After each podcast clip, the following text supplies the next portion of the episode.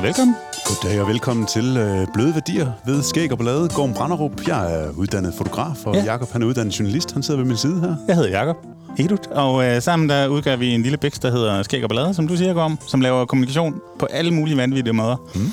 En af dem, det er det, du lytter til lige nu, en podcast, øh, som handler om storytelling. Så det er til dig, der elsker de gode historier, og enten arbejder med dem professionelt, eller bare ja, er en sokker for de gode historier.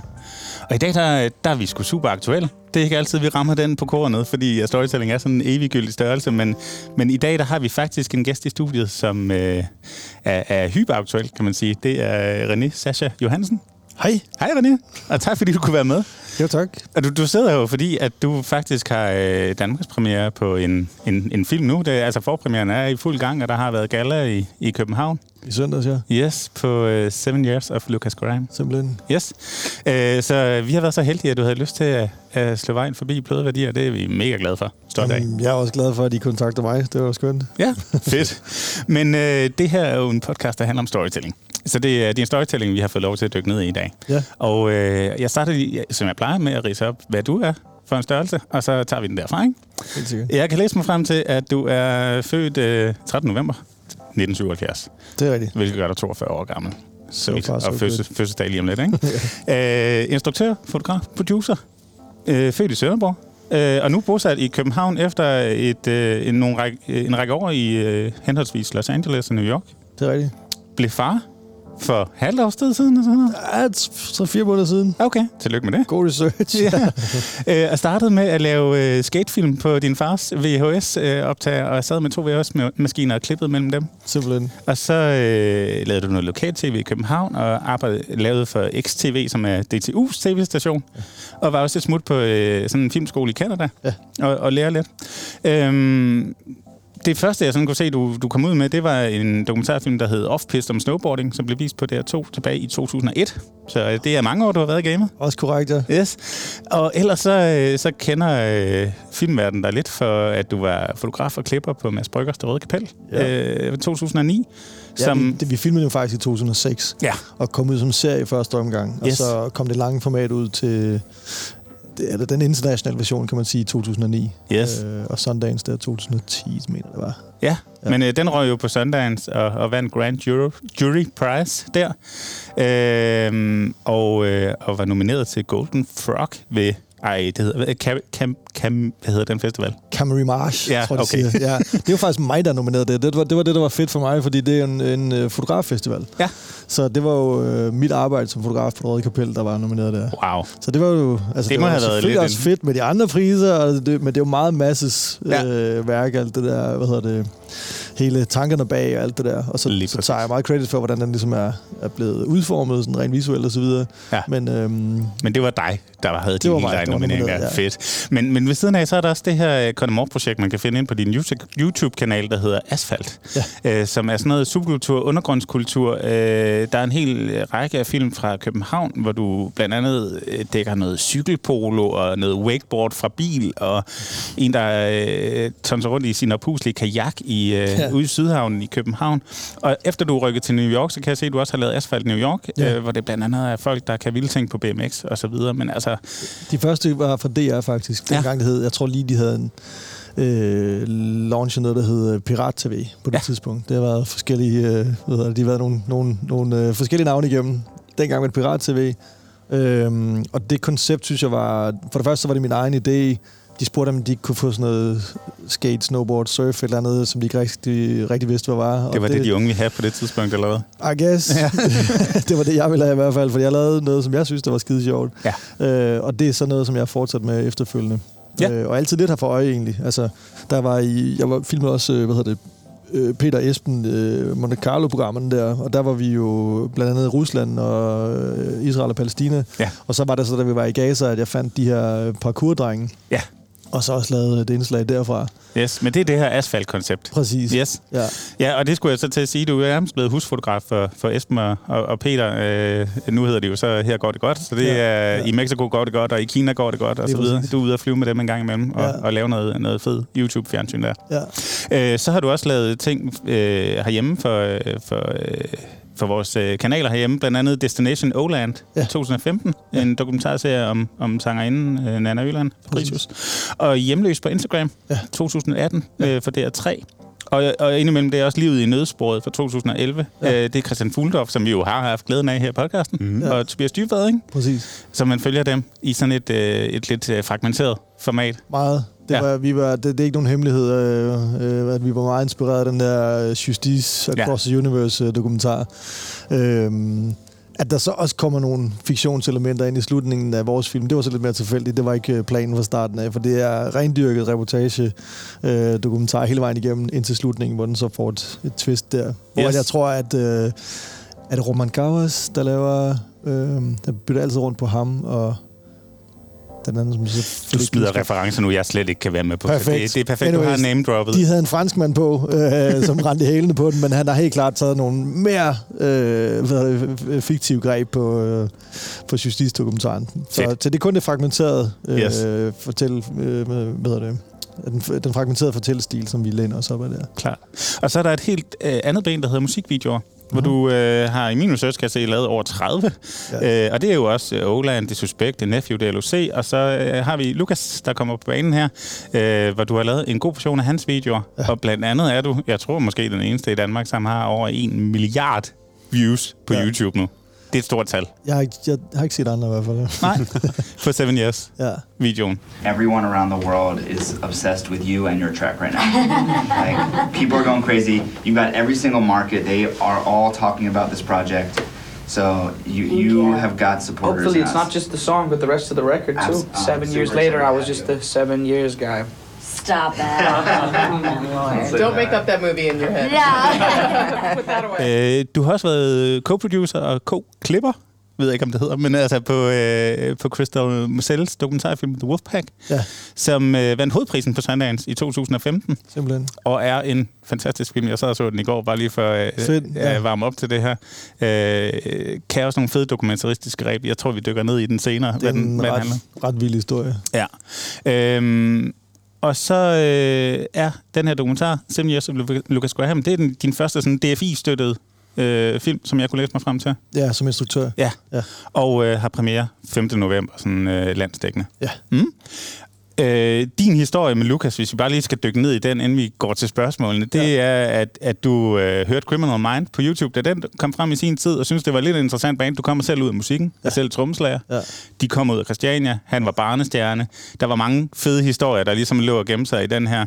Øh, og så kontaktede du dem egentlig og spurgte, om du måtte følge dem med kamera, men fik et nej, fordi de faktisk havde en kammerat på, der skulle gøre det. Ja, ja. Så rykker du til USA, og de kommer derover og skal lave nogle showcases i New York og Los Angeles, og så kontakter du dem igen, eller de kontakter dig. Kan... ja, det er så dem, der tager fat Ja. i mig der. Øhm, Og det var omkring 2013, ja, og der starter så et forløb, som jo så er kulmineret nu. ja. Syv års øh, filmproduktion, hvor du simpelthen fylder dem i tygt og tyndt i en sådan grad, at du får nogle sådan helt tæt på oplevelser, og i sådan en grad, at jeg kunne læse mig frem til, at Lukas blev lidt sur over, at du ikke kunne overvære, da han fik sin datter. Ja. Fordi du selv skulle noget andet, ikke? Ja, så er man tæt på. Ja, det må man sige. Ja.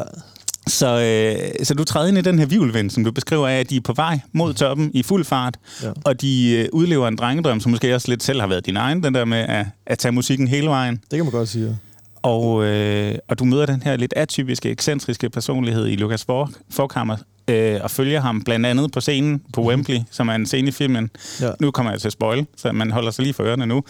Han optræder for, eller de optræder for 80.000 mennesker der. Mm. Lukas, han, øh, han er skide sur, fordi at øh, han er blevet...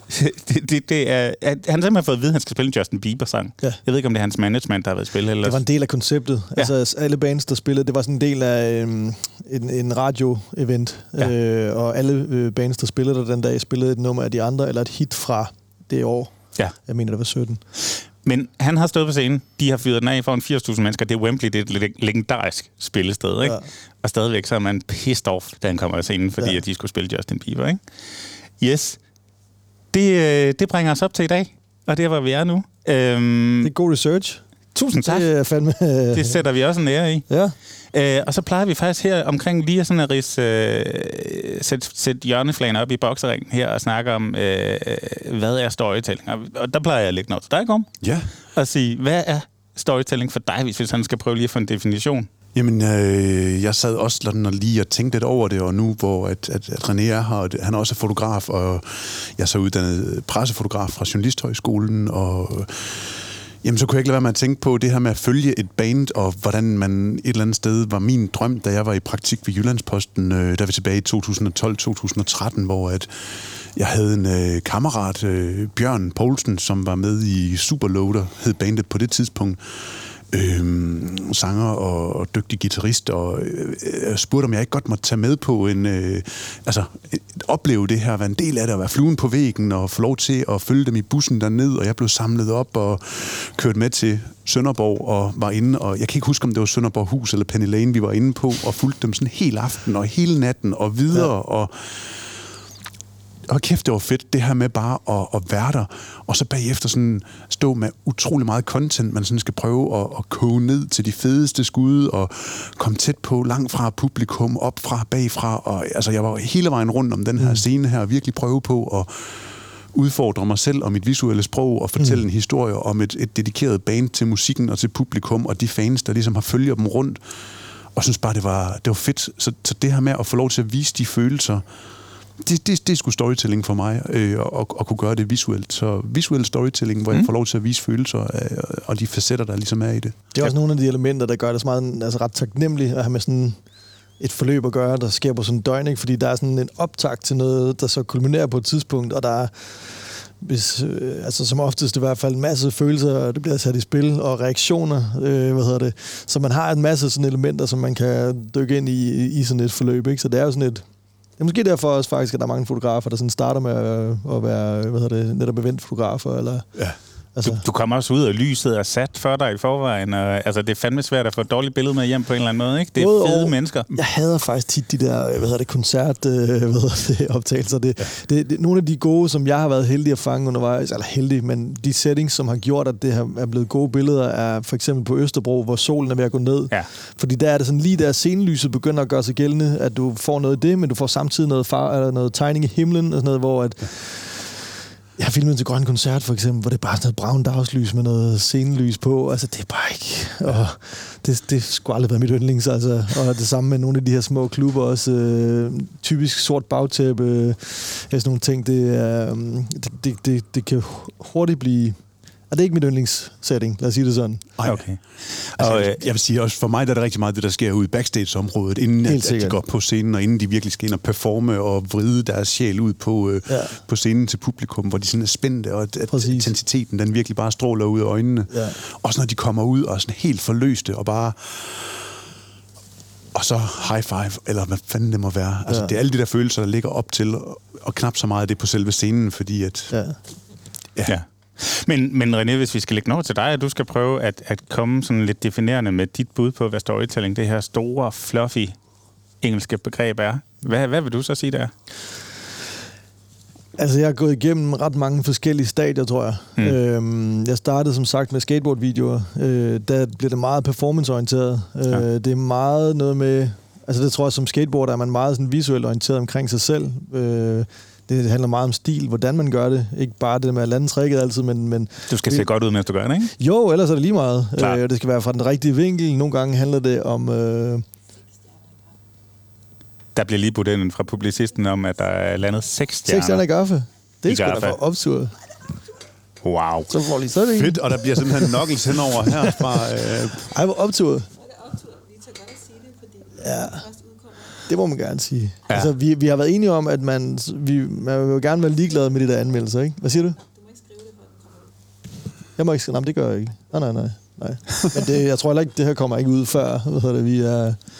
Nu må vi se, hvor, hvor hurtigt vi er. Ja, det ved man jo ikke. Vi sender ikke, det er ikke live. Men tillykke. Det er ikke live, nej. Og tillykke. ja. Det er simpelthen, ja, fedt. Det er også ja. en storytelling. Man er jo sådan, man, man vil jo gerne, får man dårlige anmeldelser, så, så er man ligeglad, så er det lige meget med de anmeldelser. Ikke? Men får man gode anmeldelser, så er det fordi, de forstod filmen. Øh, og så, så vil man gerne fremhæve de der anmeldelser. Ikke? Seks stjerner, så, det bliver ikke vildere. Nej, det er fandme og så det er glad for. Jamen også det. Altså, fedt. forholdsvis kritisk uh, medie over for musik jo. Og man skulle have en fornemmelse af, at de uh, ved, hvad de taler om i hvert fald. Ikke? Jeg selv, uh, altså, jeg kan virkelig godt lide Gaffa. Så det er jeg glad for. Det er fedt. Tillykke. Stort tillykke. Storytelling. Storytelling. øh, når man laver skateboardvideoer og filmer skateboarding, så handler det som sagt meget om øh, hvad hedder det, øh, stil og udførsel, hvilken vinkel man fanger det fra, alle de her ting. Øhm, så det bliver sådan, også når man så klipper det sammen, det bliver meget hurtigt en montage. Ja. Øh, og, og, der, og det er så hvis det er rendyrket skateboarding, så er det ligesom det, der er. Men, men ofte sniger der sig så også nogle sådan dokumentarelementer ind i. Og det var sådan noget, jeg begyndte at finde ud af ret tidligt, da jeg rundt med mit fars kamera øhm, i teenageårene egentlig. Og, og at noget af det sjove lå også i det der med at fange forskellige situationer, der så skete på gaden. Ja. Øhm, vi har sådan nogle bare sådan sjove øh, altså ting, der så skete undervejs. Så kørte der en eller anden øh, Brian-type forbi en bil og råber af os eller et eller andet, så er det så sjovt, hvis man så har fanget det, ikke? Og, Klar. Øh, der, der var en anden øh, gut, som øh, altså, råbte deres... Øh, altså, man er tit sådan i farezonen, man er midtpunkt på, Ja. i det der gadebillede, ikke? Så, så folk kommer også til en, så man falder, falder hurtigt sådan i snak med hjemløse, eller folk netop den der reaktion på, enten så er det positive reaktioner, de er også sjove at få, men det er også det der med, at så er man øh, i vejen for folk, eller øh, det bliver råbt ud af vinduerne, eller en bil, der kører forbi, eller en Mm. mand med en hund, og kommer måske efter os med hunden, og alle sådan nogle ting, som sådan opstår i det der. Og ja. det der sådan gademiljø, øh, har siden jeg var teenager sådan fascineret mig på alle mulige måder. Altså det er stadig ikke sådan nogle historier, som jeg godt øh, dykker ind i, eller gider at dykke ind i, og, for du, ved aldrig, hvad du får. Altså det der randomheds-gen, øh, gen, øh, synes jeg er enormt spændende øh, altid, det, og det der med at gå ud, og så lad os se, hvad der sker. Ja, det, Øh. det vender vi faktisk tilbage til, for den havde vi lidt luret. Okay, ja. Fedt. Men nu har vi ligesom fået... Men, men fået hvis jeg, hvis Ja, jeg bare lige må... endelig. Ja, fordi det, det var bare lige for at tage det forløb videre. Så det starter med de der ting. Øh, der kan man så sige, der tror jeg, at den naturlige overgang til musikvideoer så også kommer, fordi øh, interessen for musik var der øh, allerede, så vi går sådan fra performance, altså til musikvideoer, som også er performance-orienteret, men jeg synes bare, at de gode musikvideoer, skulle der være mere end det. Ja. Så jeg har fra starten af prøvet at lægge et... Øh, det er jo lidt sådan en 80'er ting egentlig, at have sådan et, et historieforløb i... En dramaturgi, der en er- dramaturgi ja, ja. i videoen. Meget af det er startet som et mere sådan, øh, abstrakt forløb, hvilket jeg også tror er sådan en klassisk... Øh, øh, øh, et klassisk udgangspunkt måske, altså når man begynder at lave film, at så må det, gerne, det må godt være eksperimenterende og abstrakt og sådan noget. Ja. Øh, så det var også nogle af de ting, jeg gjorde i starten med, med Suspekt, hvor jeg så tror jeg, øh, er, er blevet mere og mere opmærksom på, at man må også godt Altså, det må godt være en historie, som også hænger sammen. At, Ja. man, at man føler, at man er blevet taget... At man ikke nødvendigvis klogere, øh, altså det kan man da håbe nogle gange, at folk er blevet klogere, når de har set, men øh, det begrænser måske, hvor meget klogere man bliver i løbet af en musikvideo. Men at Øh. den har et klimaks måske på et eller andet tidspunkt. Man føler, at der har været et forløb, og det bliver rundet af på en, En udvikling, en udvikling, ja. Og, Ja. ja. og, øhm, så, så, så, så det ikke er rent performance-baseret. Så det, der, der er helt klart noget kunst i at få lagt noget storytelling ind i, øh, i de her tre minutter, eller hvor meget man har at rykke med. Helt sikkert. Og så har jeg også gjort det, altså har jeg opstillet alle mulige dogmer for mig selv hele tiden. Ja. Øh, prøve at lade være med, altså helt klassisk igen med musikvideoer, så, er det, så tror jeg, i gamle dage var det meget med, at man sådan, så filmer man tre øer, med, hvor folk performer, og så klipper man mellem dem. Ja. Øh, tre, og der tror jeg, jeg sådan er gået modsat på den, og så sagt, okay, for mig handler det om, at man ikke kommer tilbage til den samme setting to gange nærmest. Mm. Øhm, hvilket egentlig også gør sig gældende i, i Lucas, øh, hvad hedder det, Seven Years of Lucas Graham, hvor at jeg har selvfølgelig lavet interviews undervejs med ham rigtig meget, Mm. øh, at det interview, øh, eller de interviews bliver brugt øh, under billederne, men som udgangspunkt vil jeg ikke klippe tilbage til det samme interview to gange. Altså, Nej. man må gerne føle, at man var med, øh, og, altså, hvilket også er essensen af det, at man er med, med på den her rejse i takt med, at tingene sker. Ja. Øhm, øh, så det er ikke, der er ikke noget, der ligesom, øh, bliver fortalt i retrospekt. Eller sådan. Så derfor, hvis man... Hvis Det er sådan man en underbevidst progression, så man, man selv føler, at måske selvom man ikke bemærker det, men så er der hele tiden en fremdrift, ja, præcis. Så, og hvis du klipper tilbage til det samme interviewbillede to gange, så vil man, så vil man have den der sådan, okay, der har vi faktisk været, så, men, så hvad er det så? Når, hvor er vi så hen i tids øh, øh, horisonten, eller sådan. Helt sikkert. Fedt. Hvis jeg, Ja, bare endelig. Rundt den af. ja, jeg er bare travlt med at afbryde dig. Nej, nej, men det det, men jeg synes, fordi det, det, jeg kan godt lide de der spørgsmål. Jeg synes, det er interessant, for jeg har tænkt også over det selv undervejs, selvfølgelig, hvordan tingene egentlig sådan har udviklet sig. Ja, ja. Så det er jo startet med alle de der ting, og så...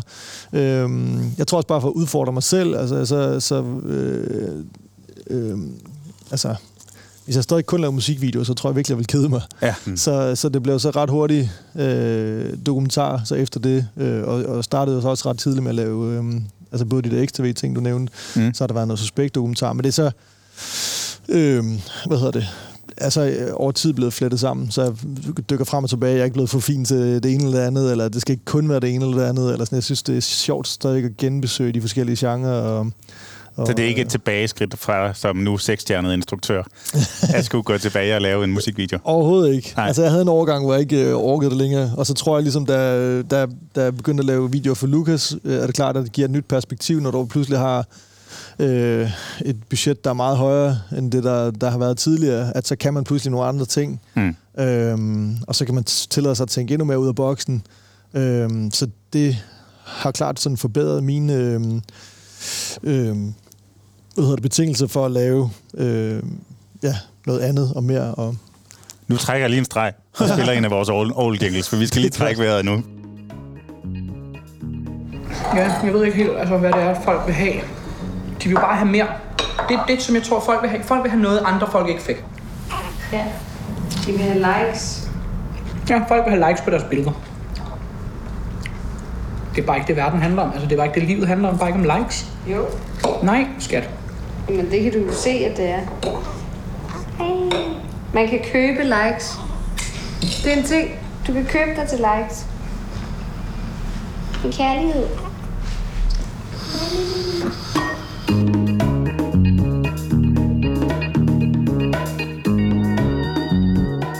Øh, nej, men, men vi, skal jo, vi skal jo også lidt videre i de her spørgsmål. Nu er vi så heldige, at vi har der en, en lille time, og, og vi har så meget, vi gerne vil, vil, vil spørge dig omkring. Øh, vi kunne lige starte med at sige, det hopper lidt i retninger af BMX, musikvideo, dokumentar osv. Øh, hvis du sådan skal prøve at, at lige at sige den røde tråd, mm-hmm. hvis, du, hvis du har sådan en, du følger.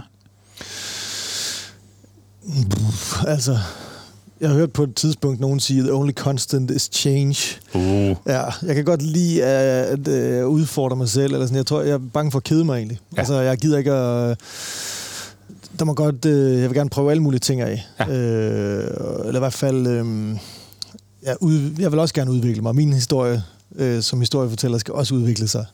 Ja. Øhm, det tror jeg sådan er en af grundreglerne. Og, og det betyder så ikke, at, at, øhm, at, øh, at der hele tiden skal være nye elementer.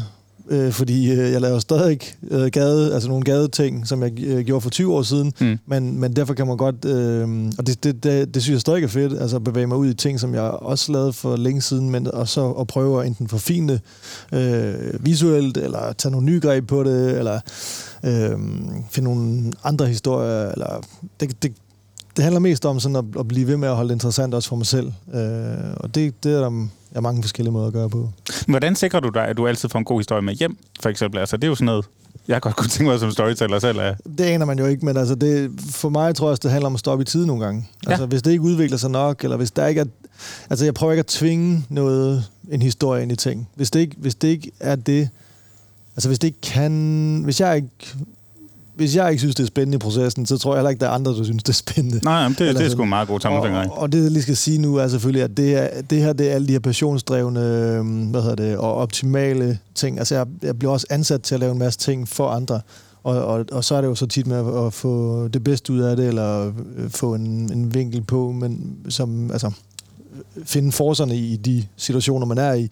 Øh, så længe det er min egen ting, og de er, øh, er passionsdrevne, eller øh, hvad hedder det, projekter, som jeg bevæger mig ud i, så er det, så er det typisk sådan nogle ting, der gør sig gældende. Altså, jeg, jeg prøver det af, jeg mærker efter, er det noget, kan det noget det her, eller er det bedre at lade den ligge?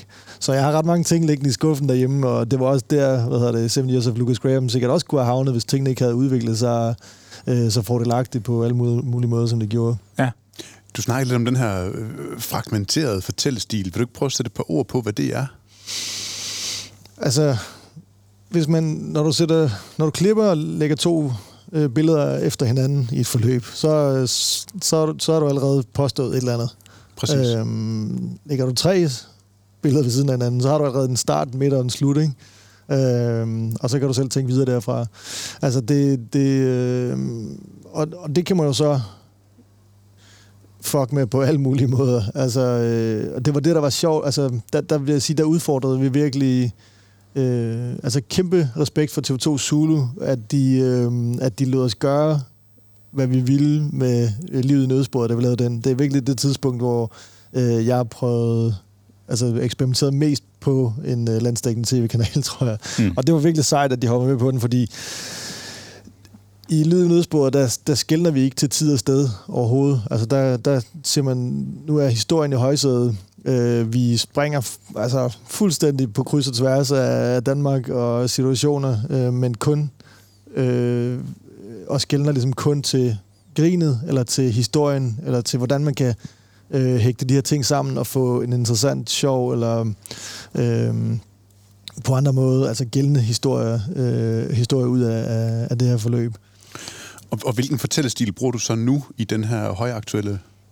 Fortællestilen i, øh, i øh, hvad hedder det, Seven Years, Seven Years of Lucas Graham er det, man klassisk kalder cinema verité, eller amerikanerne siger direct cinema.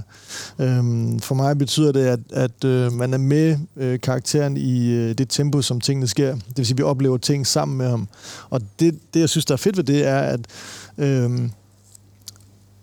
at man er med på en oplever. Altså, det er ligesom, det er ligesom øh, godt skuespil. Altså, man tror på historien. Mm. Øh, frem for, at der er nogen, der fortæller en, enten hvad man skal se, eller hvad der lige er sket. Eller sådan. Her der er vi med i, i, det- i, i det tempo, som tingene sker, så de reaktioner, der er, er umiddelbare. Det er ikke øh, ligesom at sidde og fortælle, at øh, jamen, så øh, blev min hund kørt over, og så var jeg enormt ked af det, og så gik jeg, og så skete der det, og så... Altså det, Det er det der retrospekte, du igen snakker om, man skal prøve at- Præcis. at Her, dreje her der er der, når hunden bliver kørt over, og hvad, altså, Vi ser det. ul- ultimativt set, ikke? Fedt. Øh, og det, øh, det synes jeg er lykkes enormt godt her. Altså, jeg har i hvert fald fået nogle nøglescener med, øh, og nok af dem til at, øh, at, at skrue en ret vellykket historie sammen på mange måder. Hvis vi, hvis vi går videre med den her med værktøjet til at komme hjem med den gode historie, så øh, altså, når du er så tæt på Lukas for eksempel, eller er ude med Esben og Peter eller et eller andet, så, så er du meget hen af tiden sådan en one-man-band, ikke? Mm, øh, så vi, vi er jo også lidt krejnørder og sådan noget. Øh, og kunne godt tænke os at høre, sådan, hvad, hvad sådan dit go-to gear, og, og hvordan, hvilke kompromiser må du indgå, for både at få god kvalitet med hjem, men også kunne være der og fange en god historie. Det var noget med, at første gang du hørte, at han sang Seven Years for produceren, så sad du på toilettet med at drøne ud og gribe fat i kameraet. Hvordan, hvordan arbejder du? Ja. Det med toilettet, tror jeg, var Ekos uh, take på den. Ah, okay. jeg, kan, jeg, kan, jeg kan ikke huske præcis, hvad jeg lavede. Jeg tror, altså, det kort og langt, er, at jeg havde pakket uh, kameraet ned for dagen, og var ligesom, uh, hvad hedder det, uh, uh, jeg er klar til lige at åbne. Jeg tror, jeg er ude og åbne hende en øl, faktisk. Uh, Det er også en meget plausibel historie, ja, synes jeg. der var mange øl omkring det studie, eller sige det så sprudt uh, alle mulige slags. Men øh, så kan du lige klippe det, hvis du vil. Men vil du snakke om den situation, eller skal vi snakke, videre om... Øh, hvad hedder Vi det? kommer ikke til at klippe det her ud. Nej, Sådan er vi. okay. Men, øh, men nu skal du høre. Det er så også fint. Ja, vi vil egentlig gerne høre, hvordan du sådan helt Ja. ja. øh, konkret arbejder. Altså, hvad er det for noget gear, du har i tasken, og hvordan sørger du dig for, at du både får øh, god lyd og god billede, ja. og når du skal være så tæt hele tiden? Ja, altså, øh, jeg har kamera på mig hele tiden, så det, øh, altså, og det er også det, der gør enormt hårdt tit, de her, altså fysisk hårdt og mentalt hårdt også, fordi jeg, jeg har stort set hørebøffer på, øh, altså så længe øh, karaktererne er vågne. Ja. Altså, øh, ultimativt så står jeg op med dem og går i seng med dem. Altså, det er, det er helt døgnet rundt, ikke? Ja. Øh, så det er klart, så er der nogle ting, man må ligesom... Altså enten skal jeg til at løfte noget mere jern, og ellers er jeg nødt- til at have et kamera, som jeg kan holde ud og slæve rundt på øh, hele dagen. Klart. Så der, er sådan en, der må man finde et medium. Øh, hvor tungt skal det være, det her? Øh, og der, der, lige nu er, jeg ved ikke, hvor nørdet det skal være, men Kom, jeg, endelig lige, nørd. Endelig. lige nu er jeg på noget, der hedder FS7, øh, sådan Sony-kamera, og det er Mm. egentlig, jeg, ærligt så er ikke sådan, jeg synes ikke, det er det fedeste kamera i verden. Øh, det er ergonomisk, er det sådan lidt, der er nogle ting, som er irriterende ved det. Øh, Canon øh, C300 har været mit sådan go-to i mange år. Øh, Er det så gyro ophængt, eller... Øh, Nej, det har jeg også. Det gør jeg nu, altså til de kortere formater, Ja. ja, men til det her reportageformat, øh, så indtil videre har det ikke været. Jeg Nej. er faktisk lidt på vej ud i en ting, må vi se. Altså, man ved aldrig, hvor... Øh, man, man, der er ikke noget, der er solgt, før at kontrakten er skrevet under, men jeg er lidt på vej ud i et format nu med, med dybvad, mm. øh, muligvis. Som, øh, og der, der tænker jeg nemlig at skyde øh, gyro, faktisk. Ja. Og have det, altså sådan et, øh, et øh, større, altså med wide skud, hvor man øh, også lidt er med, men altså på en, øh, en øh, lytter, eller skal man sige, hvor, hvor man bare følger med i det tempo, som tingene sker, og det bliver et mindre øh, aktivt kamera, kan man sige. Altså et, et mere sådan, øh, observerende kamera, som holder sådan wide skud, hvor man som ultimativt egentlig vil være lidt ligesom vi sidder i den her situation nu, altså et stillbillede, som holder sig fast, men hvor man så bevæger sig rundt med ham. Ja. Øh, agtigt, ikke? Øhm, så nej, gyro vil fandme være hårdt øh, til de der reportagesituationer, også fordi at man også bevæger sig ind og ud af biler, og øh, altså jeg skal ligesom kunne bevæge mig ret frit. Mm. Øh, jeg kan huske, at jeg snakkede også med Peter på et tidspunkt, i, øh, mens vi var i Israel. Øh, Peter Falktoft, hvor han er så sådan, fanden mand, du har altid lange bukser på, og hvad sker der med, er du ikke ved at dø af varme? Og sådan jo, altså, jeg føler mig lidt som sådan en tank nogle gange. øh, altså, man er nødt til, jeg ved ikke, hvad der er mere nøgen, eller mere sådan sårbar, hvis man har bare ben, for eksempel. Altså, jeg er lidt, føler mig lidt sådan, jeg er nødt til at være klar til alle situationer, eller også kunne brage igennem nogle brænde, eller hvis det skulle være det. Jeg ved ikke, hvad, hvor det er sådan psykisk, men der er sådan en anden sikkerhed ved, at man sådan er... Hvad, hvad er dit battle outfit? Altså, hvordan øh, går du til det? Er det? Fordi Gorm, han er altid i kortbukser. Jeg, det, jeg faktisk lige skiftet i går. Det, i, går i går var første dag uden shorts, øh, Ja. fordi at jeg er bare kamps videre, når man render rundt til sådan en konference og fotograferer. Ja, og det har jeg gjort hele weekenden her, så det er bare rart at kunne ventilere ved benene. Ja, nå, men der er sgu mange ting. Altså, dels nogle sko, som ikke larmer, Ja. øh, er vigtige. Ikke? De må ikke knirke, Øh, når nej, man kommer gående ind ad gulvet. Nej. lange bukser øh, og et øh, bælte. Kæft, jeg er kommet afsted uden bælte nogle gange. Det er virkelig noget råd, fordi jeg har sådan en, øh, en taske siddende på, i siden, dels med mikroports, for igen og ikke at skulle have dem siddende på kameraet, for at gøre det så let som muligt. Mm. Øhm, og så er der batterier og kort og sådan noget. Jeg filmede for nylig, øh, som du nævnte før, hvad hedder den, øh, hjemløs på Instagram. Ja. Øh, det var, øh, altså typisk har en taske med, med ekstra linser og så videre. Ja. Øh, hjemløs på Instagram var filmet, blev filmet jeg på gaderne i L.A., øh, hvor jeg hængte på Nadia Sheila og hendes mor der øh, en dag ad gangen. Og det, det var virkelig intenst, og der kunne jeg ikke, altså det var igen one man army, mig, Ja, ja, mig øh, på gaden med øh, altså hjemløse omkring mig. Og, øh, de er vildt søde, de fleste af dem, og, men, men der er klart også nogle mentalt ustabile mennesker imellem, øh, som, og, og desperate mennesker, som at der kan det betyde ret meget for dem, om øh, at have sådan en kamera i hænderne til, til salg, ikke? Ja. Mm.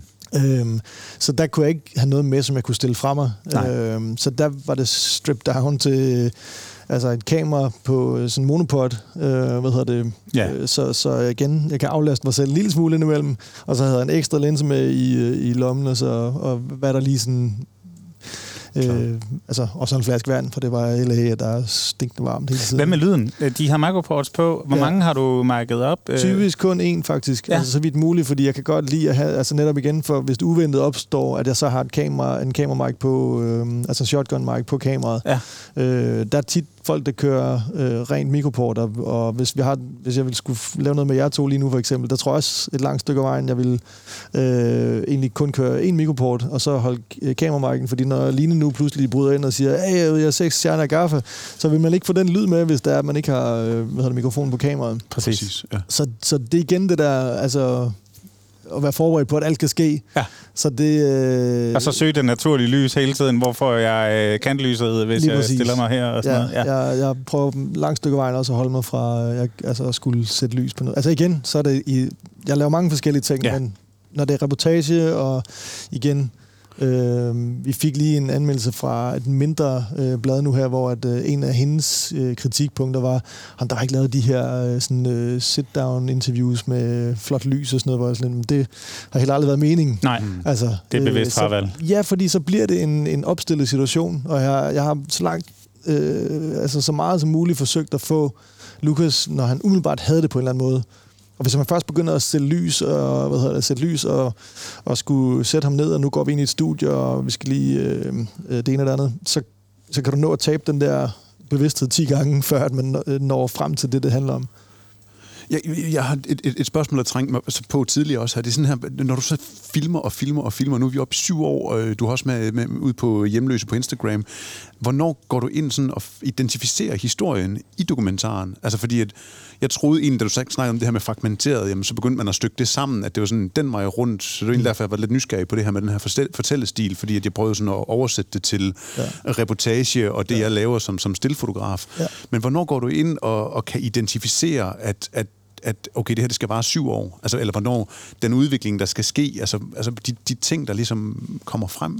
Jeg tror, øh, det, det sker mange gange undervejs, at man lige sådan tjekker ind. Altså, fungerer det her? Er det her de, en af de her 10 spor, som jeg øh, følger? Øh, bliver det sådan noget? Udvikler de sig? Var det forkert spor? Handler det ikke om pres fra hans far? Eller, øh, altså det, det er klart, man afsøger sådan en masse af de der klassiske øh, problematikker fra starten af, eller øh, dramaturgier, hvor det er sådan lidt, øh, når man, var det fordi, at øh, øh, far har presset ham øh, til et eller andet, og det, det synes jeg bare, det fandt jeg for eksempel ud af, at det synes jeg ikke var historien. Altså, det var ikke sådan en, en, øh, en historie om, at far havde presset ham til, at han skulle noget, som han måske i bund og grund ikke havde lyst til. Eller sådan. Altså, det var meget mere en historie om, at de havde sådan en mission sammen. Mm. Øh, og at han så måske, efter far ikke er der længere, så kommer, øh, altså fortsætter noget, som han øh, havde en, eller man kan sige, den mission, de havde sammen, kører lidt af sporet. Pludselig handler det mere om de her sådan, fysiske mål. Så skal det være Wembley, så skal det være en, en, øh, en Grammy, eller så skal det være øh, de her sådan, fysisk opnåelige ting, hvor at, øh, at, det, at han, han mod inden så vender mere øh, blikket indad og begynder at overveje, hvad, hvad, hvad er det egentlig det, det handler om? Skal det handle, handle om noget helt andet, det her? Hvad vil far øh, have sagt, eller hvad, hvad, hvad var deres grundmission egentlig?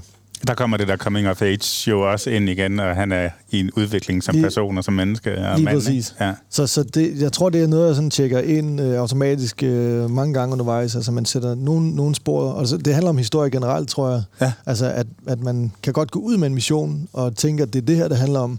Men, men det er også irriterende, det der med, eller nu kommer jeg til at tale fra min egen vinkel. Jeg, jeg, jeg har også snakket med nogle journalister nu her i det her forløb, hvor jeg godt har kunne mærke, at de har haft en dagsorden, når de kom ud. Ja. Nyhedsindslag typisk, at det er sådan, når man, nu, lad os sige, det handler om det her, og så prøver de at få en til at sige de ting, som de gerne vil have, Ja. og så passer det i den kontekst, og så er det let at gå hjem og klippe sammen.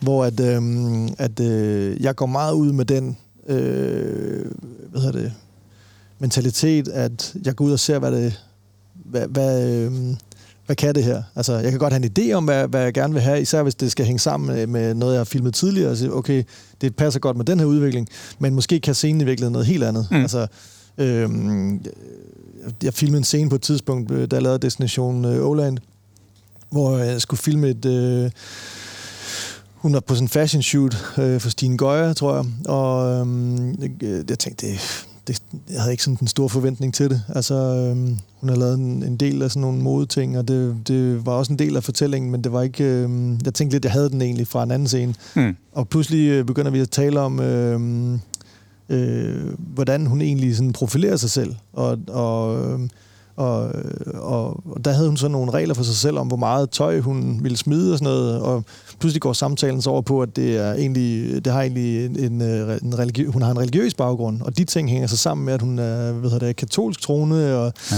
pludselig handler scenen om noget helt andet. Øhm, og hvis jeg, altså hvis, hvis jeg havde havde en forudtaget mening om, hvad den der scene skulle handle om, så var, Ja. så var vi slet ikke noget derhen. Og pludselig er det en ret interessant scene. Men det er Øh, også lidt dokumentaristens lod, tænker jeg. Ikke? Altså, øh, vi snakkede lidt om på vej herover i bilen, at, øh, at du gør jo lidt det der med at finde en interessant personlighed. Altså om det så er en ekscentriker, eller øh, øh, hvis nu ved jeg godt, det er Crystal, der er filmet i, i Wolfpack, men, men, men altså no, nogen, der skiller sig ud på en eller anden måde, stiller kameraet op og lader historien udspille sig. Mm-hmm. Det er ikke at sørge for at, at, at fange når der så sker noget spændende. Det, det er sådan noget vores lidt påstand. Og jeg tænker, er, er det det samme, der sker, når... øh, Ja, for det første, er du enig i det? Og, og, og når du så også arbejder med, øh, med subkultur mm. og, og, og gadesport og sådan noget, er det, er det, er det igen... Er det, er det fordi alt kan ske i den situation? Du bare ved, det her de er interessante, og så, så sker der nok noget spændende. Altså, så stramme regler har jeg ikke lagt for mig selv, så Nej, jeg skal nej. ikke kunne sige præcis, præcis hvad... Altså, der, der, der, der er der sikkert nogle fællesnævner i det, og, og øh, hvad hedder det... øhm, Og, og det er noget af det, ja. Øh, altså, når man... Man kan også præge folk undervejs, og det gør jeg også. Altså, det, det, det, det er klart, hvis man begynder at gerne vil runde tingene af, altså, så stiller jeg spørgsmål i retning af...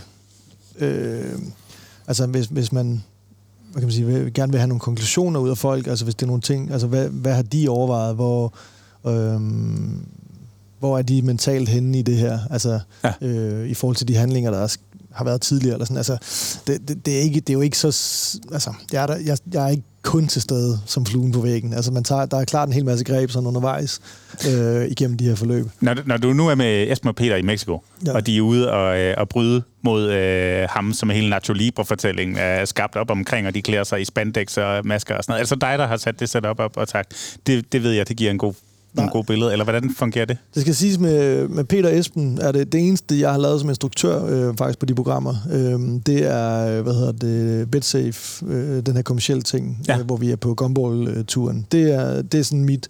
De andre har der faktisk været en, øh, en instruktør, eller forskellige instruktører på. Især dem, vi lavede for DR, en gut, der hedder Claus Schrøder, Ja. øh, som har lavet. Og øh, vi havde... Altså, jeg har tendens til øh, at adoptere øh, historien ret meget, når jeg er på som fotograf og filmer andres historie. Ja. Øh, men jeg kan også godt respektere, øh, hvad hedder det, øh, og det skal man, og det øh, har jeg også altså, altid en respekt for andre, øh, andre folks måde at gøre det på. Øh, så Claus havde nogle, øh, nogle andre måder, som han gerne ville gøre det, øh, og, og har legnet alle de her ting op, og de der events, øh, som, som sker undervejs. Øh, Mexico var der en anden øh, tilrettelægger på, som har legnet de her event, events op. Og der tager jeg det som, så, hvad kan man sige, som som at jeg er blevet inviteret til en fest, øh, og så kan jeg slå mig løs, øh, når, når, når, de der, hvad det, når de der situationer ligesom bliver opstillet. Ja. Øh, så det bliver mit take. Altså, det, det er jo, der, jeg ved ikke, om jeg bevæger mig, altså jeg ved ikke, hvordan, altså, hvordan andre fotografer gør det, men, men min Det er måde dig, vi vil høre om. så. Ja, men det er jo Ja. Altså min, min tilgang til det er meget, at nu så, nu, så er min øh, hvad hedder det, opgave ligesom at, at gøre det til mit, og hvad hedder det, øh, gå til det her, som, som jeg synes, det er, er interessant. Så, så det er ikke bare sådan at sige, jamen, øh, de skal op og slås, og så, hvad hedder det, øh, eller hvis det nu er den, den setting, øh, og så går vi ud igen, eller sådan. Mm. Så jeg er meget sådan opmærksom på alle de der ting, der så sker undervejs. Opstår der noget, som man ikke havde forudset, eller... Ja. Øhm, På et tidspunkt, bare lige forbi den samme, så er Peter Ja. faktisk blevet syg. Nå, og så ja. kommer Esben alene ud og skal ride på hest sammen med sådan nogle Ja. chardos og kaste med lasso. Og, Ja. og en del af fortællingen er jo også, at han er der alene. Ja. Og lige pludselig ikke har sit sidekick og sådan noget. Der tænker jeg, der er der noget virkelighed, der spiller ind. Så kommer dokumentaristen måske alligevel lidt i spil. Lige præcis, og det er sådan nogle ting, vi også har snakket meget om undervejs. De øh, har drillet mig lidt med, at jeg er ret picky med, hvad vi spiser på de der ture, for eksempel. For de ikke bliver syge. Ja, for at jeg ikke bliver syg. Nå, selvfølgelig, ja. Øh, for, fordi, øh, hvad hedder det, jeg, jeg påstår jo, at jeg er den eneste, der ikke kan undværes øh, i den der, mm. hvad hedder det, konstellation. Ikke? Fordi hvis der er en af dem, der bliver syge, eller går ned, ligesom Peter gjorde der, så, så er det jo bare en del af historien. Altså, Mm. det er fint nok bare at gå med det. Det var også noget, vi diskuterede undervejs. Skal vi flytte rundt på noget, eller skal det bare være en del af historien? Øh, da vi var i Nordkorea, øh, og den der, sådan, måske en af de mest sådan legendariske scener fra, øh, fra øh, hvad hedder det, det Røde Kapel, er, hvor vi øh, ender til den her sådan anti-amerikanske øh, øh, nationaldag, øh, hvor og, og øh, Mads og Sig, øh, Sig- hvad hedder han, øh, Jakob ender ned foran øh, den her kæmpe øh, bataljon af soldater, der, hvad hedder det, der går og marcherer. Ja. Øhm, grunden til, at Simon ikke var med den dag, var også, fordi han havde dårlig mave, faktisk, sådan helt tilfældigt. Men det blev jo også bare en del af historien, ikke? Ja, ja, ja. Øhm, altså, det, var ikke, det jo ikke så, fordi man så aflyser, eller, men havde jeg været syg den dag, så havde det været noget rigtigt råd, ikke? Det kan man sige. Øhm, Det kan man sige. Mads kunne ikke... Øh, altså, øh, jeg tror, det været noget råd, hvis Mads skulle have kamera, tror jeg. Både fordi han så er på kameraet, og så ved jeg heller ikke, hvor meget erfaring han har med at filme ting. Ja, det er jo fedt. Øhm. Og, og, nu, og nu videre med muldvarpen og sådan noget. Så det er Ja, jo præcis. fantastisk, hvad det eventyr har kastet af sig, Ja, ja. kan man sige. Øh, vi skal faktisk stille og roligt til rundt af, men jeg, jeg har lidt en, øh, en, en afslutter, men vi tager lige en gang over først.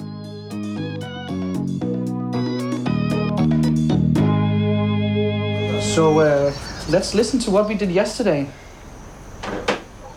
So you ready? Yeah, let's hear it. Let's go.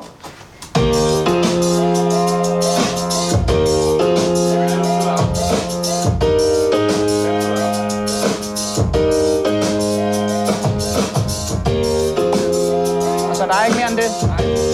Det er bare det her.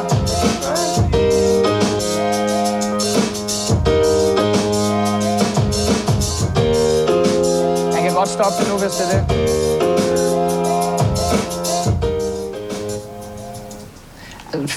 Beat. Skuffende, skulle jeg til at sige. Jeg troede, der var et track, eller sådan. det var sådan, jeg forstod det i hvert fald, da folk snakkede til mig i går. Nå, nej, nej, der var beat. For mig er det stadig, altså jeg, godt, jeg, jeg synes bare, hvis det hele bare lyder som det samme, så er det sådan lidt, når man så... Så får du ikke sådan en inspiration. Nej. Vi kan også bare spille den på klaveret, jo. Ja, det er det.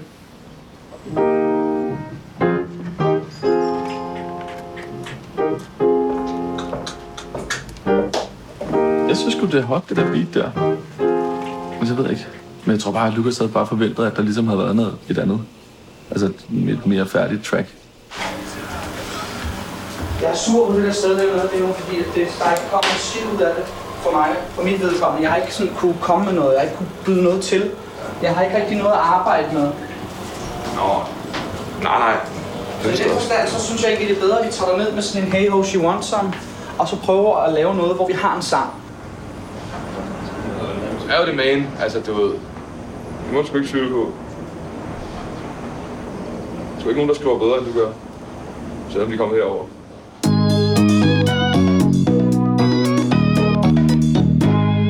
Øh, en milliard views på YouTube, ikke? Det er 9-0. Det er sindssygt meget, ikke? Ja. Den eneste i Danmark, der, der sidder med det, som vi blev enige om før. Du har lige ramt loftet for, hvad man kan få stjerner i gaffa. Jeg tænker, det må være en lille smule angstprovokerende at tænke frem til fremtidige projekter. Samtidig må der være nogle mange døre, der også stille og roligt åbner sig øh, på bagkant og sådan noget her. Hvis du sådan selv skulle vælge den ultimative fortælling for dig, Kastor, hvad skulle det så være, og hvordan vil du angribe den? Jamen, den tror jeg lige, vi har været igennem på mange måder. altså, jeg har, jeg, har, jeg har let efter et forløb, som, som det, jeg har gået igennem med Lukas nu her, ja. siden jeg begyndte at lave film. Ja. Altså, det, jeg har haft lyst til at, at sådan folde en musikhistorie ud i det lange format, så det, det er noget, jeg har dykket ned i mange gange og håbet øh, ville ske. Jeg havde faktisk fat i Oland øh, meget tidligt i hendes karriere også, øh, egentlig for at lave musikvideo, men også for ligesom at øh, eventuelt at hoppe på som øh, dokumentarforløb. Øh, forløb. øh, jeg kan ikke huske præcis, hvordan det var men det var noget med nogle lukkede døre, og Ask Hasselbalg, øh, filminstruktør, kom mig i forkøbet og lavede hendes første øh, musikvideo, der kom ud dengang. Mm. Så, øhm, så og, og igen, så, så tror jeg måske, jeg gav op lidt for tidligt der. Var sådan, om så der var så en anden, og så var jeg videre til noget andet, og så var det så efterfølgende, hun blev øh, hvad det, signet på Sony, og så røg til USA, og også øh, ret meget blået op det samlede sig op på senere hen, da vi år senere øh, hvad hedder det, boede i USA. Øh, mm. i, jeg tror, det var jeg 15, jeg lavede historien med hende. Ja. Øh, og der var det så, hun passede ind i et format på DR, den der det startede egentlig som en af de der øh, jeg er ja. øh, og så blev det så en selvstændig ting i stedet Fordi for. den var større og kunne bære det, eller? Jeg tror bare, de følte ikke, at det var helt samme, øh, under sådan helt samme koncept som, som de andre ting, så den fik ligesom sit eget selvstændige liv. Hmm. Men Lukas har ligesom været det ultimative for dig at lave? På mange måder, ja. Altså, øh, nu, nu siger du... Øh, øh, hvad hedder det, det, det jeg tænkte over lige, da du sagde det. Altså, jeg føler, jeg har været igennem nogle øh, forskellige øh, højdepunkter i min, hvad man skal sige, karriere. Ja. Øh, altså, det røde kapel var stort dengang. Øh, det var stort med Seven Years. Øh, The Wolfpack, selvom det ikke var øh, 100% min historie. Øh, jeg har... Jeg, øh, historien med den, hvis vi skal ind på den. Jeg ved ikke, om det bliver for langt for dig. Men, øh, det er dig, der har en bagkant. The Wolf, grunden til at komme på The Wolfpack var, at... Øh, øh, Crystal øh, havde set øh, hvad hedder det, det røde kapel, der, og jeg var lige flyttet til New York, ja. og hun manglede en klipper, så hun kontaktede mig der. Jeg har klippet, jeg klippet øh, det røde kapel. Ja.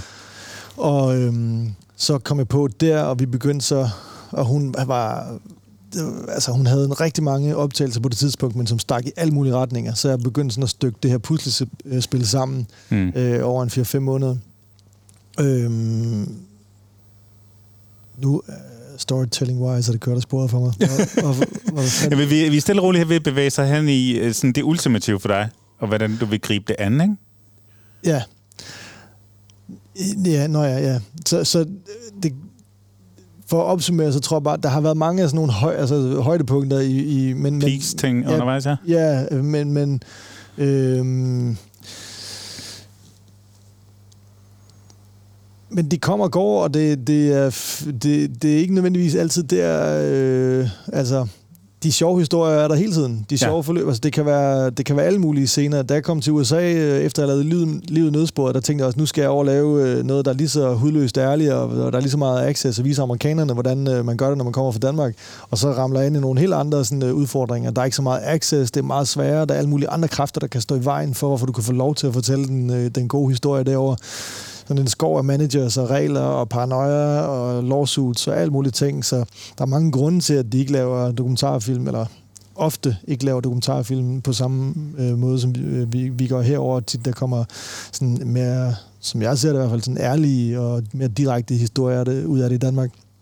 Så, så jeg, jeg ved ikke, altså det der med at, sådan at begynde at sætte barn højt. Altså, der kan man også kigge på Lukas, så skal jeg sige, var det rigtigt med de, for ham, det der med at sætte de der fysiske mål, og sige, hvad er den ultimative historie? Altså, den ultimative historie kan, kan ligge i mange øh, forskellige ting. Altså, jeg, jeg, det er ikke nødvendigvis de der priser eller sådan noget, der gør forskellen. Altså, selvfølgelig er det fedt med en god anmeldelse, men øh, der er mange af mine sådan...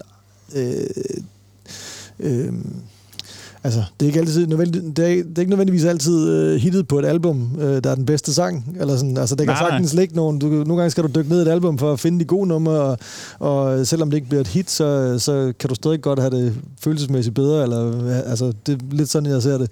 Der må du overbevise pladeselskabet om, at det er et hit, og det skal være singlen. Det kan man selvfølgelig også, og det er en helt anden ting. Og ligesom Lukas er du også lige blevet far. Ja. Øh, han er så blevet for anden gang, ikke? Men, øh, men, men der tænker jeg, der, der er vel også en kæmpe fortælling, der åbner sig der på privatfronten. Kæmpestort. Ja. Der sker jo alt muligt der også. Det er også øh, ja, super spændende. Ja. Men fortsætter arbejdet med Lukas nu? Jamen, det kommer an på virkeligheden. Øh, altså, øh, jeg, jeg satser der meget stærkt. Vi har faktisk en musikvideo i støbeskeen lige nu, og hvad hedder det, jeg regner med helt klart med, at jeg skal lave flere sådan, uh, musikvideoer og, og, og sådan nogle ting for dem. Øh, dokumentarmæssigt, øh, så kommer det meget ind på, hvad der sker i hans liv. Altså, om jeg kan se, at der er en, en fortælling der. Øh, hvad mindre selvfølgelig, at, at de har et eller andet kommersielt format, de vil have lavet. Øh, altså, det, det er jo forskellen på bestillingsopgaver, og så de her, den her, hvad hedder det, Seven Years of Lucas Graham, som er lavet øh, et langt stykke vejen som et passionsprojekt fra mit udkommende, altså noget, en historie, som jeg gerne vil fortælle øh, fra min vinkel. Fedt. Tak for at dele ud af alle dine øh, redskaber. Vi tager lige en sidste jingle, og så øh, har vi en, et sidste afsluttende spørgsmål til dig.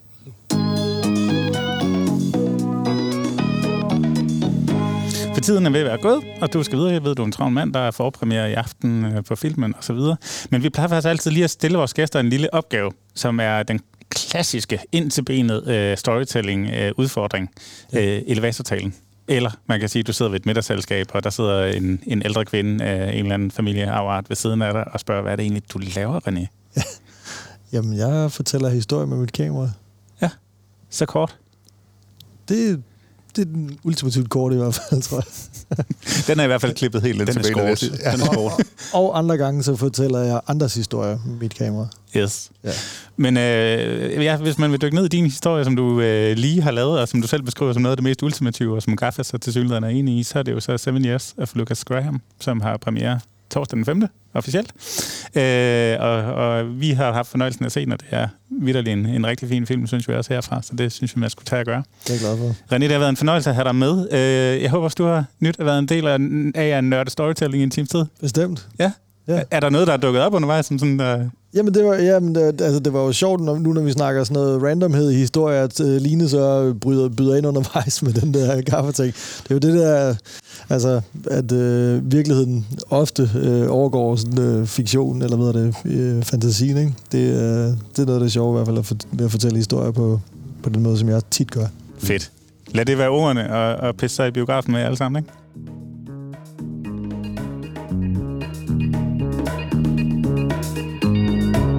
René Sasha Johansen. Det var fedt.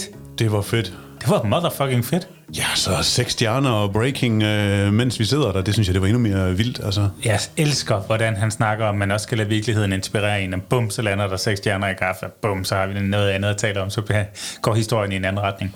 Det er fedt. Det er det, vi kan med storytelling. Og det er det bløde værdi, jeg kan, og jeg elsker også, at øh, der er et segment, hvor han sidder og snakker om, ej, det kan I lige korte ud, fordi vi ikke gerne have, at jeg svarer på den her måde, eller hvordan vil du have, at jeg svarer på spørgsmålet, tror jeg, han siger. Hvor jeg sådan lidt, nej, det korter vi ikke ud. Vi skal have lov til at, at, at også være levende, når vi laver den her podcast. Det er ligesom formatet, synes jeg. Ja, lige præcis. Men super fedt, og jeg elsker også, at vi lige dykker ned og var lidt grejnørder. Altså, det kan godt være, at det bliver lidt for de få, men for dem, det her interesserer os, som måske arbejder med det, så vil det også være, være ret interessant at høre, hvad det er for en grejpakke, man går ud med, og hvordan man kan være sig, når man er ude at lave noget, som så ender på det store lader, ikke? Men altså, som ham, der måske er mest grejtnør til dels, øh, eller i hvert fald bruger mest grej nogle gange, så, så var han jo slet ikke, altså vi, vi- vi fik jo aldrig startet ham. Altså, vi kunne jo have snakket om optikker og lysfølsom og blinde og glas og... Men vi fik en god snak om korte bukser kontra lange bukser, synes jeg. Præcis. Præcis. Fedt. Men vi skal have sluttet den her podcast. Den kommer ud øh, den dag, der er Danmarks premiere, så det har været sådan en lynproduktion. Men øh, I skal da ikke lige snydes for at høre om, hvad vi er i lige. Hvad er du i lige, Gorm?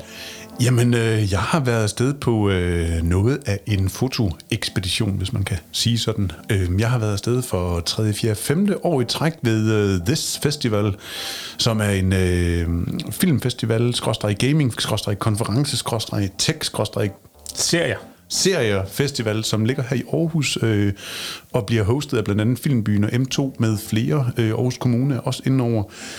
Og øh, der har jeg rendt rundt i det her ufattelig mørke øh, filmstudie 1 og 2 nede i filmbyen. Og der er bare intet lys, enten det, som der bliver sat op. Så det vil sige, at der er ikke nogen refleksioner i væggen. Alt er malet sort. Gulve, lofte, vægge. Så har de bygget en kæmpe stene, og så sad folk ellers i rigtig god behør i afstand, og der var sat madpakker ud til folk, og det var u- altså virkelig, virkelig godt gennemført, øh, og fedt, at de gjorde det. Men med alle de forbehold og alt det, man overhovedet kunne gøre med hensyn til den her covid-19, vi øh, lever i lige for tiden. Så jeg har drønet rundt om den øh, samme scene og prøvet på at variere mit øh, billedsprog øh, af de forskellige talere, der ligesom har været på. Øh, og det har, været, øh, det har været fedt at komme ud og få fotograferet noget live, og det har været fedt at fotografere mennesker, øh, og jeg har virkelig elsket at gå på arbejde og lege med, med det lys, der ligesom er, og den begrænsning, der er i, at man ikke rigtig kunne komme tæt på eller komme rundt om, fordi at scenen den bare fylder rummet. Og så alligevel få lov til at, at fotografere. Det har været fedt. Jeg prøver lige at fortælle om, der er et specielt billede, Peter Mygin på scenen, der fortæller om hans øh, virke fra øh, kø, nej, ikke Kølekaj, hvad hedder Skorkaj til uh, Sommerdal, som, uh, jamen den mand, han er jo velbevandret i uh, serier, og har lavet jamen, hele 16 serier, danske og tyske. Uh, han er vild nok. Han er øh, sindssygt vild, og han tog os på en halvanden time lang rejse ned på øh, Aarhus Teater. Det var sådan, at øh, This Festivalen blev øh, afviklet øh, på Dok 1 Kunsthal, øh, Ung K, og så Aarhus Teater og Øst for Paradis, og 10 steder i alt, hvor man øh, kunne opleve forskellige taler og dykke ned i alt lige fra øh, serier, øh, julekalendere, og ja, så havde vi så Peter Myggen på øh, scenen. Og hvad var det for et billede, du gerne ville have? Ja, jamen, og han, når man står inde i den her øh, sal her, så vil jeg rigtig, rigtig, jeg tror, det er den skala-scenen, mener den hedder, hvor at, når han står sådan godt fremme mod publikum, og publikum, de sidder og kigger ned på ham, og der er det læret, fordi der bliver vist øh, klip fra hans forskellige serier, mm. så er der ikke enten en øh, 4 meter eller sådan noget bag ved ham. Og, øh, Men der er plads til en gård. Der er selvfølgelig plads til en øh, god, øh, stor fotograf med øh, godt med kameraudstyr, som selvfølgelig skal kravle ind bag ved Peter, fordi at jeg gerne vil have det her billede, hvor Peter han står midt på scenen og er centreret med det her fede lamper, der er ned langs siden i, øh, af væggene ved publikum, og publikum de sidder og kigger. Og så er det bare med at have is i maven, bare gå ind. Det er jo selvfølgelig mest naturligt i hele verden. Jeg skal stå bag ved Peter Mygin og forstyrre jeres oplevelse med ham. Men det her billede her, det betyder så utrolig meget for mig, at han sådan er så meget på ud til, øh, til publikum derude. Og det gjorde jeg selvfølgelig. Og øh, det var jeg sindssygt glad for, at jeg gjorde efterfølgende. Og jeg tror lidt, det er det, sådan, man, man, man lærer som, som fotograf at sige, jamen, det er sådan vilkårene er, og øh, det arbejder vi med, og så skal vi ellers bare formidle den historie bedst muligt, og det skal man selvfølgelig bagfra med Peter Myggen. Som man siger. Og Gorm, det er blevet et pisseflot billede. Det vil jeg egentlig gerne lige rose dig for. Jamen, jeg kan så sige, at når vi ikke tager billeder, så har vi også virkelig meget ild i lyd for tiden. Vi har jo studie 2, hvor vi nu står og optager, som virkelig har taget fart, og det betyder, at der, der vælter ind med gæster, der er både de podcast, vi selv øh, sender ud i verden, så har vi masser af Radio Lav, der sender fra, både sender live og, og bonder ting. Vi har fået Kristelig Dagblad ind, vi har fået Vanecoach ind og, og spike bøger herinde og så videre. Og, og så har vi faktisk lidt udvidet vores service, og det, det kan man sige, det er ligesom det nye i det. Det er, at øh, vi nu har lavet et studie to go. ja. så man simpelthen øh, kan pakke sig en kuffert med nogle, øh, nogle lækre headset-mikrofoner, som man også kan sende ud fra steder, hvor, øh, hvor der larmer lidt. Og de er faktisk ude og, og leve as we speak. Ja, så her øh, natten til onsdag, så er der jo valg i USA, og øh, der har vi øh, Kongeriget fra Radio Loud, som er afsted i Greno og sender live derfra med vores udstyr. Syv timer? Syv timer. Værsgo og sejl. Øh, padle, padle, padle afsted, tænker jeg bare. Er verdensmesterskabet i padling, det der. Søde unge mennesker, men hold kæft, hvor de kommer på arbejde. De skulle have hele udstyret op og stå med øh, en direkte på telefonen fra øh, USA, og de skulle have gæster i studiet, og de skulle have forproduceret indslag, som de kunne spille, og øh, ja, der, øh, der er sgu langt til klokken 6 øh, onsdag morgen. Men Skæggerbladet har i hvert fald sørget for, at de nu har rigtig dejlig lyd i ørerne, og nogle behagelige hørebuffer på osv. Så, videre. så, øh, så står du og skal have et øh, podcast-kit to go, eller skal lave et radioprogram, eller øh, vil ud i landet og optage noget lyd, så, øh, så ring lige, så finder vi ud af det. Ja, for fanden. Og så skal vi jo huske at lige at øh, plukke Dennis her i den sammenhæng også, Ja. som sidder og redigerer det her, du hører på nu. lydpedalen. Og det er også ham, der øh, man kan tilkøbe til øh, den her ydelse til studiet, så man får den allerbedste, sprødeste og lækreste lyd, når man nu gerne vil udkomme mm. på det medie. Og vi, øh, vi kender også folk, der kan lave jingles, hvis man står og skal bruge for det. Siger du Henrik Palke Møller? Jeg tror nok, jeg siger Henrik Palke Møller. Han laver for eksempel sådan noget, der lyder sådan her.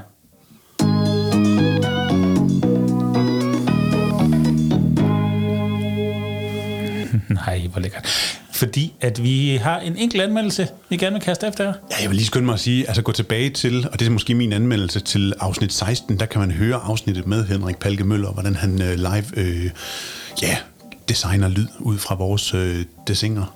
Fuldstændig ananas i egen juice, at du anbefaler vores egen podcast. Jeg elsker det. Klart. Jeg er vild med det. Øh, men jeg vil så også øh, øh, kaste noget ananas i ananasbrønden. At finde, er det et ord? Det ved jeg ikke. Øh, men øh, i hvert fald så... Er det øh, hullet i midten, når man åbner dåsen? Wow, det har jeg aldrig vidst, hvad det hed. Ananasbrønden. Modtaget. Det var en breaking.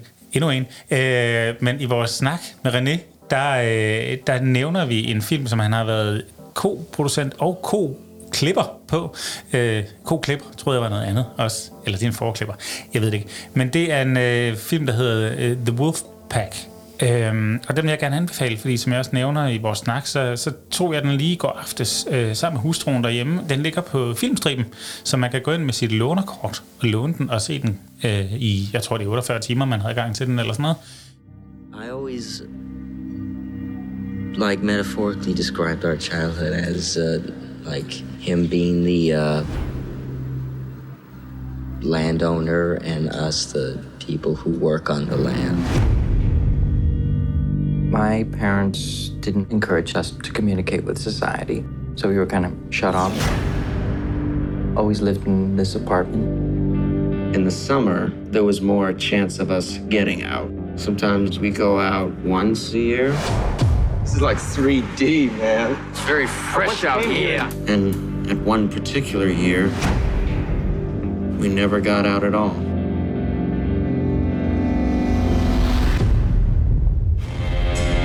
Father, his system was just like a ticking bomb. What did he expect when all of us become of age? We're still gonna do things his way? I don't think our father knew we had it in us. I guess he always saw us as the little boys who couldn't. And then we transformed into the boys who can. Kort fortalt, det er en dokumentarfilm. Det, hun hedder Crystal, hende, øh, som egentlig øh, startede med at lave den, øh, før René han, øh, han kom ombord på projektet. Og hun øh, går ned ad gaden i New York, hvor hun bor, og, øh, og møder så det her... Øh, det ligner sådan et ulvekobbel af en øh, 5-6 langhårede unge mænd med solbriller på, klædt ud som noget fra en Tarantino-film, der ligesom roamer ned af de her gader. De fylder, de larmer, de er. De, er, de ligner virkelig sådan noget fra enten en Marvel-film, eller, eller ja, netop sådan noget Tarantino-univers. Og, og straks så tænker hun, der er måske virkelig en meget god historie her. Hun stopper dem, og øh, det viser sig så, at de er super interesserede i film, og, øh, og hun begynder at snakke med dem om det. Og det viser sig så også, at de faktisk ikke har været ret meget ude i den virkelige verden. Faktisk så er, forholder det sig sådan, at de er en del af en søskendeflok på syv søskende, som øh, det meste af deres liv har boet i en lejlighed. Deres far øh, og mor faktisk også var medlem af, af Hare Krishna-sekten. Øh, de har alle sammen navne, øh, som er opkaldt efter indiske guder.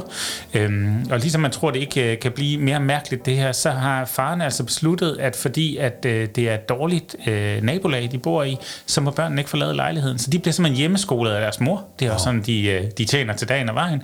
Og øh, faren har sat lås på døren, og det er kun ham, der har nøglen. Og således så oplever de hele deres opvækst i den her lille bitte lejlighed. Faren han er ude og hente noget mad en gang imellem, men, øh, men de kommer altså meget, meget sjældent ud. Altså, i filmen siger han, at nogle år, der kom de ud en enkelt eller to gange, og der var også det her år, hvor de overhovedet ikke kom ud. Øhm, meget tragisk fortælling, som så tager et, et twist undervejs. For eksempel, at de har en filmsamling på 5.000 film derhjemme. Så de kender faktisk New York, som de bor i. De kender den bare fortalt gennem filmsprog.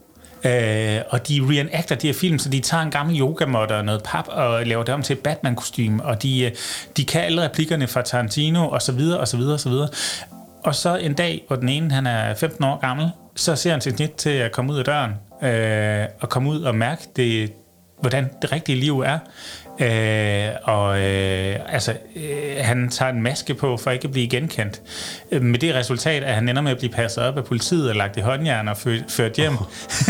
så det er noget af en debut, kan man sige. Men, men så bliver der ligesom åbnet op for det her stille og roligt, så, øh, så de her unge drenge, som er blevet til, til unge mænd undervejs, de, øh, de får ligesom taget over den her småalkoholiske far og, øh, og begynder at, at komme ud og opleve verden. Og den proces følger man så ved førstehåndsindtryk, simpelthen med en dokumentarist, der peger kameraet på dem, mens de tager deres første tur i biografen, mens de kommer ud på en, en græskarmark til Halloween og, og henter græskar hjem sammen med deres mor, og man ved, at det er bare den opvækst, hun har drømt om at give sine børn, som nu endelig bliver forløst. Øhm.